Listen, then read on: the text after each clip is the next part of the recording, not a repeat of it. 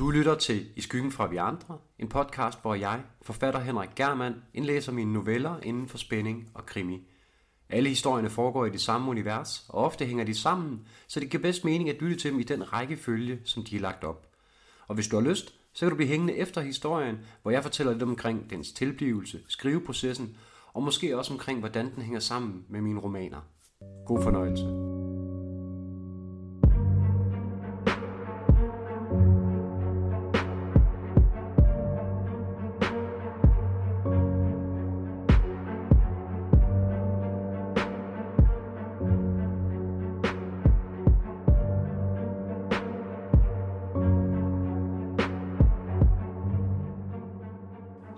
Start. Jeg åbner mine øjne, lidt før alarmen på min iPhone ville gå i gang. Eller rettere, jeg prøver på at åbne dem, men de er klistret til af søvn, og den make op jeg ikke fik renset af i går aftes. Lazy bitch. Jeg får gnedet det værste snask ud og kan registrere en sløret version af værelset omkring mig. Ane, at det allerede er lyst udenfor. Jeg ville egentlig gerne blive liggende. Bare lidt længere. Scroller gennem Insta, mens hjernen vågner, og øjnene vender sig til lyset. Men der er desværre ikke tid til det. Der venter et pænt tight schedule. Jeg svinger mig ud af sengen og mærker de nøgne fødder på det kølige klinkegulv.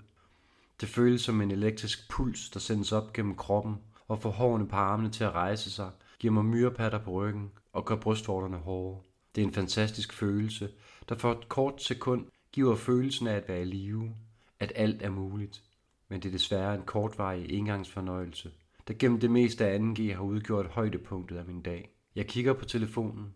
Klokken er lidt i seks, og solen for længst stået op. Min far mener, at alle, der sover til længere end solopgang, er dogne, at de spilder deres liv, at det er hans hemmelighed bag et liv som succesfuld forretningsmand. Måske har han et pointe. Måske det bliver mit mål for i morgen, at stå op klokken 5, eller fuck nu solen står op her om sommeren. Jeg prøver at gnide søvn ud af øjnene. Åh, oh, shit, en kop kaffe ville gøre godt.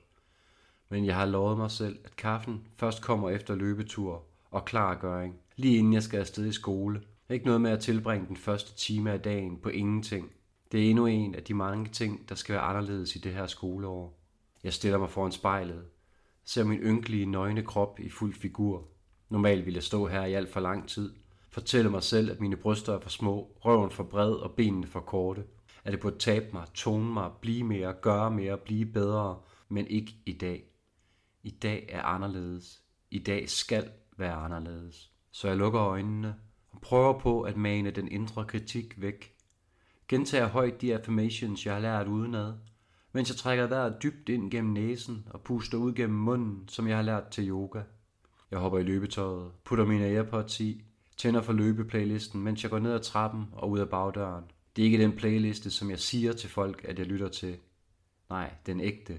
Ikke alt det der pussenussede tyggegummi lortepop fra TikTok og Insta, men hårdt pumpende med masser af bas og trommer, lavet af folk, der forstår mig, der kender til smerte.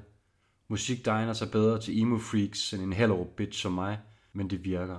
Udenfor bliver jeg mødt af en smuk, skyfri azurblå himmel og en gul morgensol, der fra øst sender sine lange, gyldne stråler hen over trætoppen, tager et billede. Det er perfekt til dagens første story. Løber morgentur, hashtag blessed. Jeg starter træskende sløvt ud.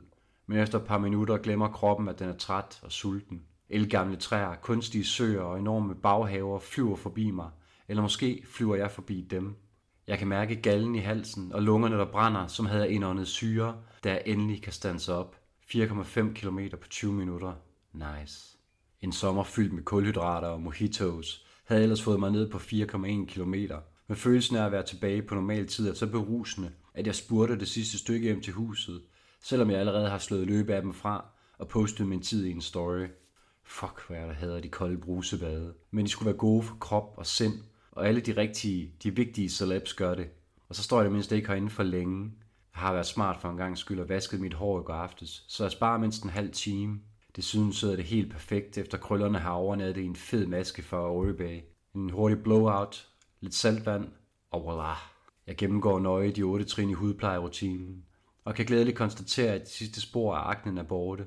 Sommeren på Capri og i Skagen har givet mig den helt rigtige tan, men jeg giver hele kroppen en god gang selvbruner. Du ved, you can never have too much of a good thing.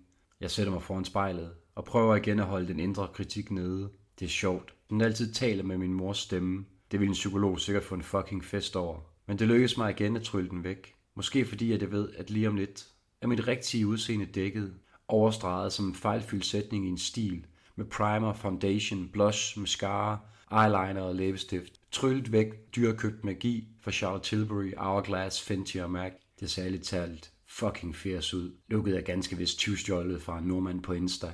Men hun er stadig ukendt blandt de fleste herhjemme, så der skal nok falde både komplimenter og spørgsmål til lukket. Begge dele drøbende af misundelse. Jeg går ind i mit walk-in closet. Dagens outfit er allerede valgt og lagt frem, men som altid skal jeg lige prøve et par andre. Men jeg bliver ved førstevalget. Hvid nederdel for selv, en beige top fra Louis Vuitton og hvid sneaks fra Gucci, frisk pakket ud af kassen. Komplet med et Chanel armbånd og øreringen. Den perfekte combo af slutty tennisspillere og overklasse bitch. De hormonbefængte fuckboys på skolen kommer til at løbe direkte mod toilettet, når de ser mig. Jeg burde vel lave en reel, eller mindst en video til min story. Sige noget lettere selvudleverende, krydret med et påtaget livsklogt råd, mens jeg fortæller folk, at mit look of the day kun tog et kvarter. Bullshit. Men tiden er ved at rende fra mig, så jeg må nøjes med en post og et par stories, der viser produkterne. De første 25 likes er inde på under to minutter. Nice. Huset er helt stille, mens jeg går ned ad trappen. Heller ikke i hallen eller stuen finder jeg andet end tavshed, designermøbler og kunst. Men sådan er det at bo i et museum. For det er sådan mit hjem føles. Alt er pænt, rent og dyrt. Købt til at blive set, ikke brugt. Jeg går ind i køkkenet, der er så klinisk rent, at en inspektør for Fødevarestyrelsen ville hænge sig selv i afmagt, og så stort og veludstyret, at man sikkert kunne drive en Michelin-restaurant herfra.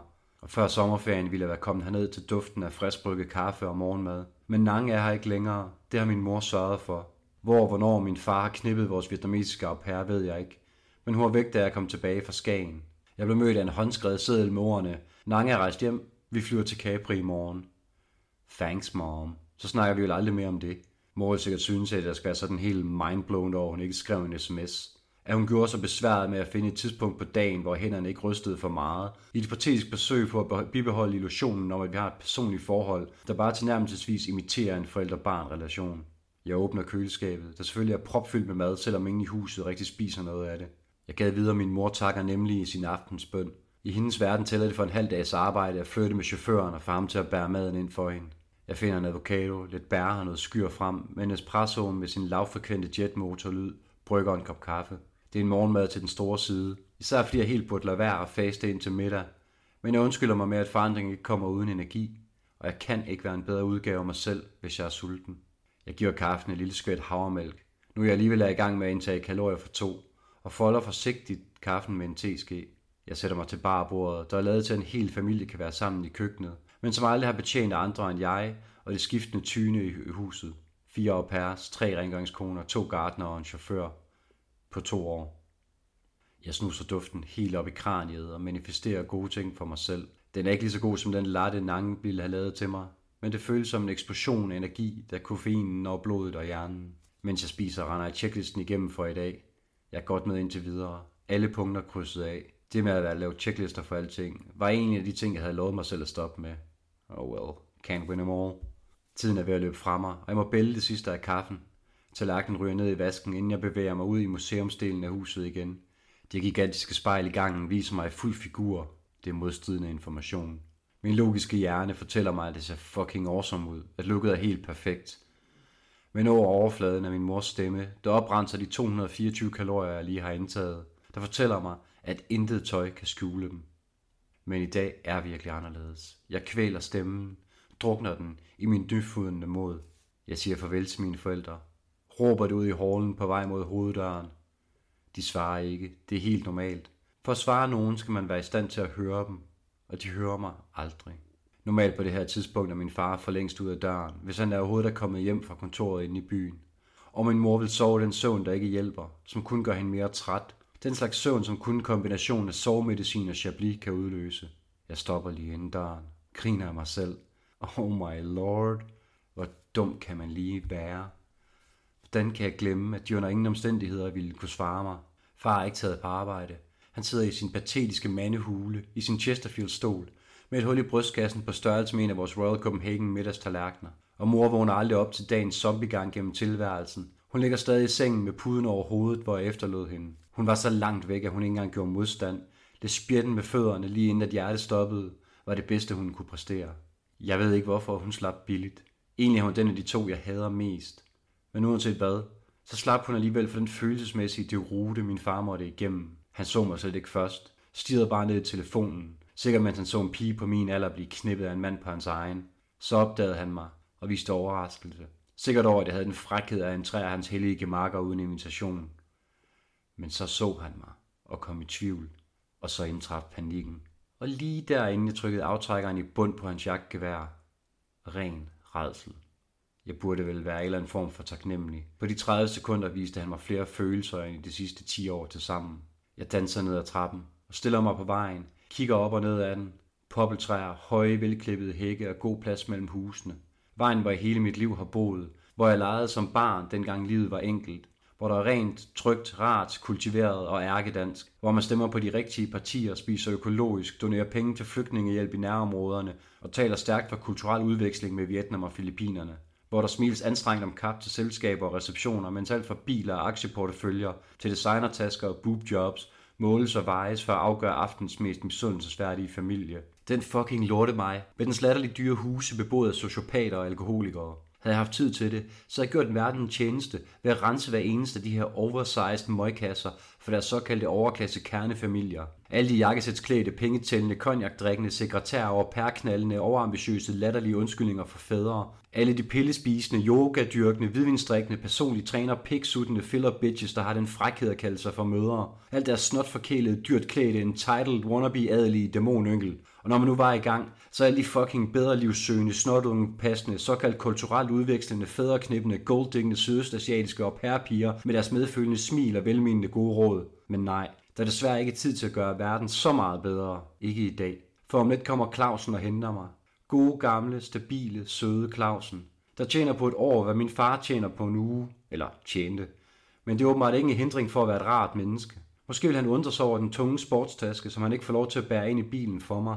Og måske vil han spørge ind til mit ekstra gode humør, komme med nogle af hans åndssvage onkelvittigheder i håb om at få mig til at grine. Hvordan ville han måtte reagere, hvis han kendte sandheden? at hans smil, velmente spørgsmål og dumme jokes er en af grundene til, at han i dag kommer levende hjem til familien i Rødovre, at begge mine forældre er døde, og hvis alt går efter planen, så er de fleste af mine klassekammerater det også, inden at dagen er omme. Jeg siger farvel til vejen, de store huse og mine forældre. Uanset hvad dagen bringer, så vil jeg aldrig se nogen af delene igen. Jeg kan se Clausen komme trillende roligt ned ad vejen nu. Den sorte BMW overholder naturligvis fartgrænsen på 15 km i timen, som om at beboerne her nogensinde selv ville gøre det. Jeg tager et sidste billede af den idylliske vej i morgensolen, smider en story mere op. Fra nu af kommer der ikke flere stories eller posts. Nu skal der livestreames. Jeg skal dog lige finde den helt rigtige caption til den story, der skal afrunde mit liv. 3.G på Hellerup Gymnasium venter. Kan næsten ikke være i mig selv af glæde. Hashtag blessed.